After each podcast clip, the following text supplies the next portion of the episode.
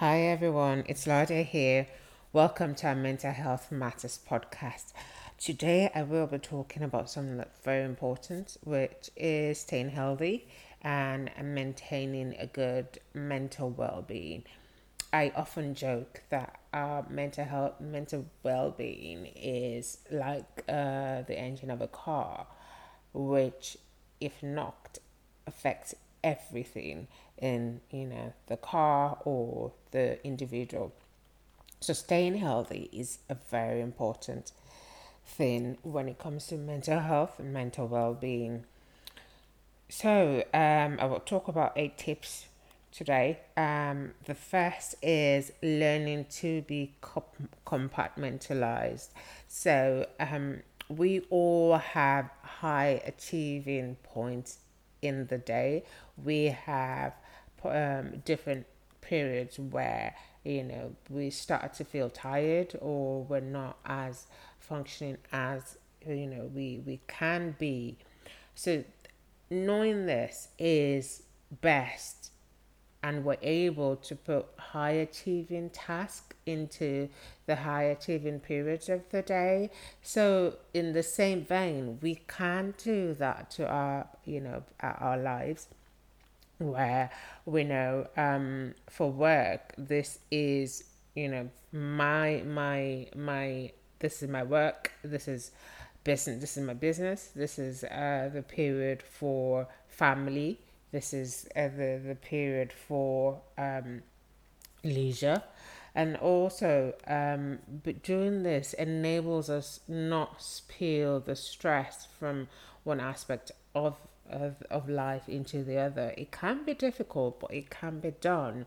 And people who te- who, who who practice this have a, a, a, a healthy mental well-being. They they they they they're able to to uh, keep themselves when it comes to different aspects of their life. This ultimately leads me to um, the second point, which is maintaining boundaries maintaining boundaries is different from um, you know being compartmentalized in uh, maintaining boundaries is learning simply learning to say no um, uh, which is something we all find difficult especially people who are in professions where you know they they they, they they are there because they like to help others. And also people who have uh, you know a, a very soft heart it, people approach you, people give stuff to you or um, come to you for for uh, help all the time. But learning to learning to have that boundary is for your own good because you can only help others when you are at your best, when you are at your optimum. So maintaining that boundary and le- learning to say no is not it is not an act of selfishness. It's not that you don't want to help others. It's that you have to be able to maintain your own sanity and well being by knowing your boundaries, by knowing the points at which to say no, knowing the points at which to say yes, and knowing the points at which to be flexible or compromise. This is very important in um, not starting to feel stressed where you take on so much and you're unable to cope. And the, the, this ultimately leads to you not being able to, to help others. I think learning to say no is something we all find difficult and you know we all have to keep reminding ourselves that for me to be able to help you know help others or for me to be able to take care of this um, family I have to learn to say no. I have to learn to maintain boundaries. And mothers, especially, find this quite um, difficult. I was reading an article the other day um, where, um, you know, someone was saying they, they, they find it difficult to, um, you know, tell, tell their, their kids um, no, um, and not now because I need to do this, or they find it difficult to step back from, from the family life and take a break. But the, the ultimate thing is you have to be all right. You have to have a good mental well being for you to be able to help others. And it's not selfishness, it's not um, you being self centered, it's you you know, trying to maintain your best and be optimum so you can take care of yourself and then take care of others. A classical example will be, you know, when they give the flight instructions where they say always put on your oxygen mask before helping others because you have to have the oxygen coming into you first before you can then, you know, go on to help others because if you haven't got the oxygen mask, you're not going to be able to help them. So maintaining boundaries of, uh, you know, putting your your, your mental well-being uh, as a priority is one of the most important tips in staying healthy mentally. And um, the the other bit, uh, the third point, is knowing your vulnerability levels. Um, it, we all have the point where you know you just know um, I'm I'm I'm at breaking point now uh, and I I um I've gotten to that point where I need to take a step back.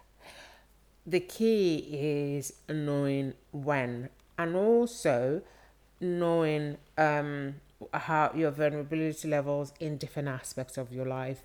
For people who are workaholics, if the if they they're more vulnerable when things go wrong at work for people who are really family oriented, they're more vulnerable when something's going wrong at um at uh, you know at their workplace. For people who are more business oriented, they're more vulnerable when things are going wrong. So it, it is very good to know your vulnerability levels when it comes to different areas and knowing which spills into um other which would affect all other areas um, if it's affect if it's you know not going right and as as you would expect it to be.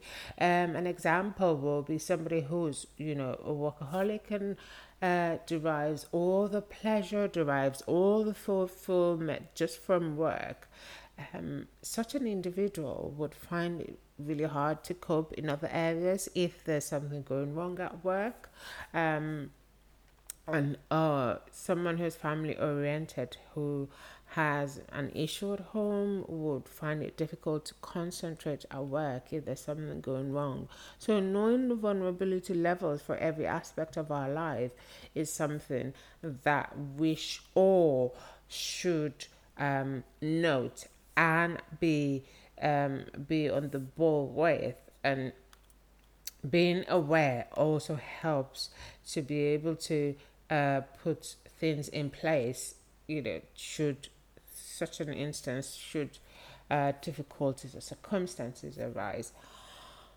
And uh, this brings me to the fourth point which is being aware of triggers know, um, you know, for people who've had traumatic experiences or who've had adverse events, they tend to have um, difficulties around the anniversary of such um, such events, and also um, for certain people, there are things that can trigger for an uh, you know an example will be depressive episode an example will be as i said the anniversary uh, for people who've had traumatic experiences or for people who've had ptsd an example will be a very prominent one will be the 9-11 um, um, for maybe servicemen or people who love who lost loved ones. So anniversaries like that, certain things, certain factors will be triggers for um, not just becoming unwell, but for triggers uh, to, to affecting our mental well being, such that we are not functioning as much as we normally would be. So being aware of these triggers helps to make plans ahead, helps to uh, um, put cushion, cushion, cushion, cushion to helps helps us to cushion um, the effect a little bit, and also um, with, with particular disorders as well. Um, for example, um, people who have emotional in- instability or people who have um, difficulties with um, meltdowns, um, people who have difficulties with outbursts. A key thing that we always, you know, advise is looking out for the triggers and um, being able to work to avoid those ones. In those circumstances, the trig- some of the triggers can be avoided, and in others they can't be. Like the anniversary of uh, you know the death of a loved one or anniversary of a traumatic experience what can be done in those instances is to put things in place to cushion the effect uh, because you know that can be avoided it can't be avoided. So knowing uh, triggers that of things that affect our mental well-being would help um, to avoid them or help to cushion the you know effects of such uh, events or triggers the other thing will be being aware of early warning signs. So this is something that we use in the medical field, um, most especially when we're talking about um, taking um, people's, you know, medical readings like blood pressure, uh, pulse rate. Um, in the hospitals, we use rating scales that you know start to um, alert us that something's starting to go wrong.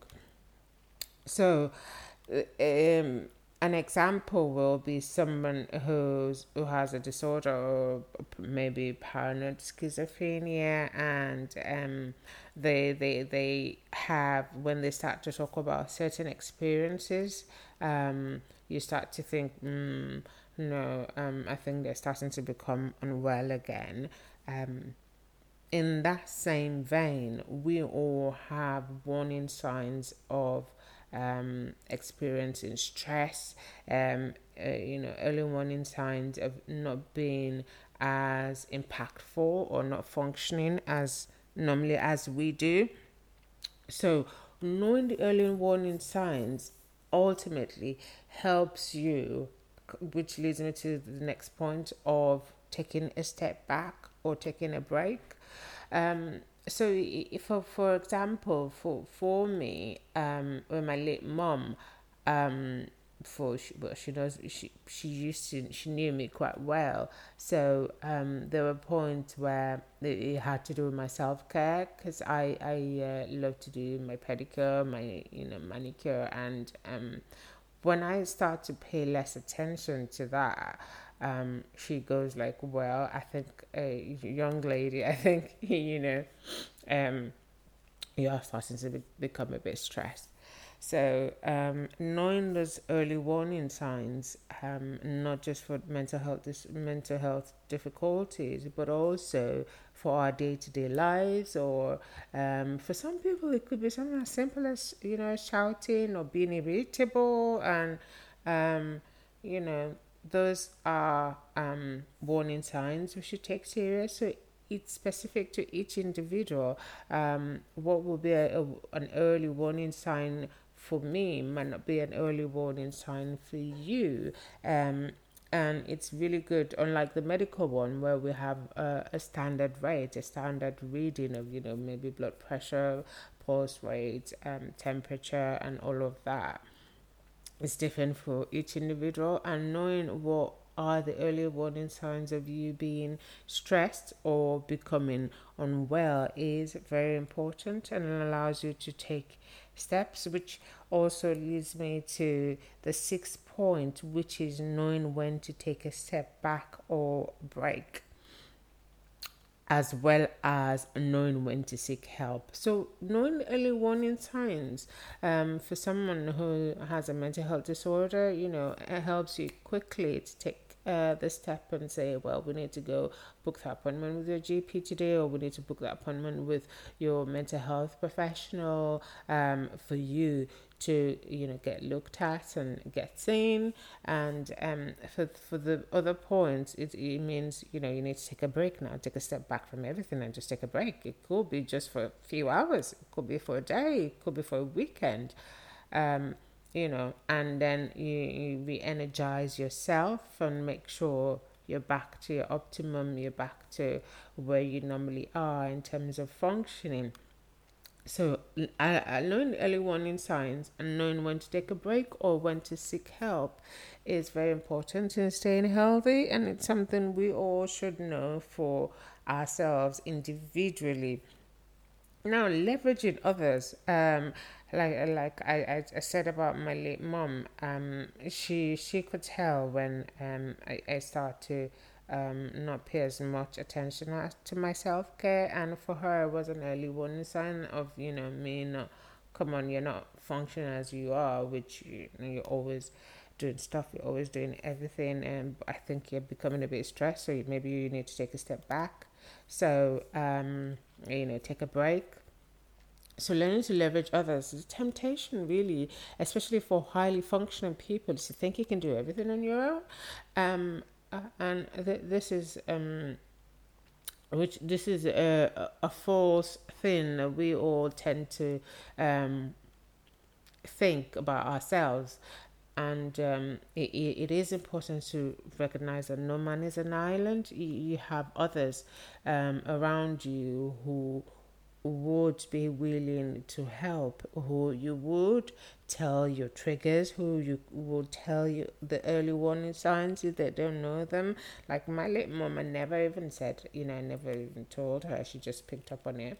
Um, so learning to leverage others, knowing, um, letting them know your triggers, your early warning signs, um, and your vulnerability levels would help um, and then um, they're there for you to like um, book an appointment or tell you it's time to take a break or tell you you know go go have a nap now for half an hour or you know go you know just you know just take a few minutes to relax and then come back to what you're doing. It's so it's it's important to have um to leverage others in in terms of this and get support from them. This finally brings me to my final point, which is you as much as um mental well-being is is very important as the engine we also have to take care of the the car which is our body. You know, we we often think that mental health and physical health are completely different. But as doctors, we know, and as um, you know, um, uh, professionals, we know that mental health is interrelated with physical health, and physical health is interrelated with mental health. So, if the physical health is not, you know, not optimum, if if it's not being taken care of, it would affect um, the the mental health and vice versa as well. So you have just one body. Um, you have to learn to take care of it, um, and several other things that we do to help um keep fit are actually things that are good for uh, our mental health. Um, exercise is good. We, we, we use exercise therapy. Um, eating healthy, even as um, as underrated as it is, does have an impact on mental health. So we've all just got one body. We have to take care of our physical health and taking care of our physical health is also taking care of our mental health. And men- taking care of our mental health is also taking care of our physical health. So I've come to the end of this episode, um, which has talked about staying healthy and having a good mental well-being. And um, I hope you've been able to pick up some tips. Uh, until next time, thank you for listening.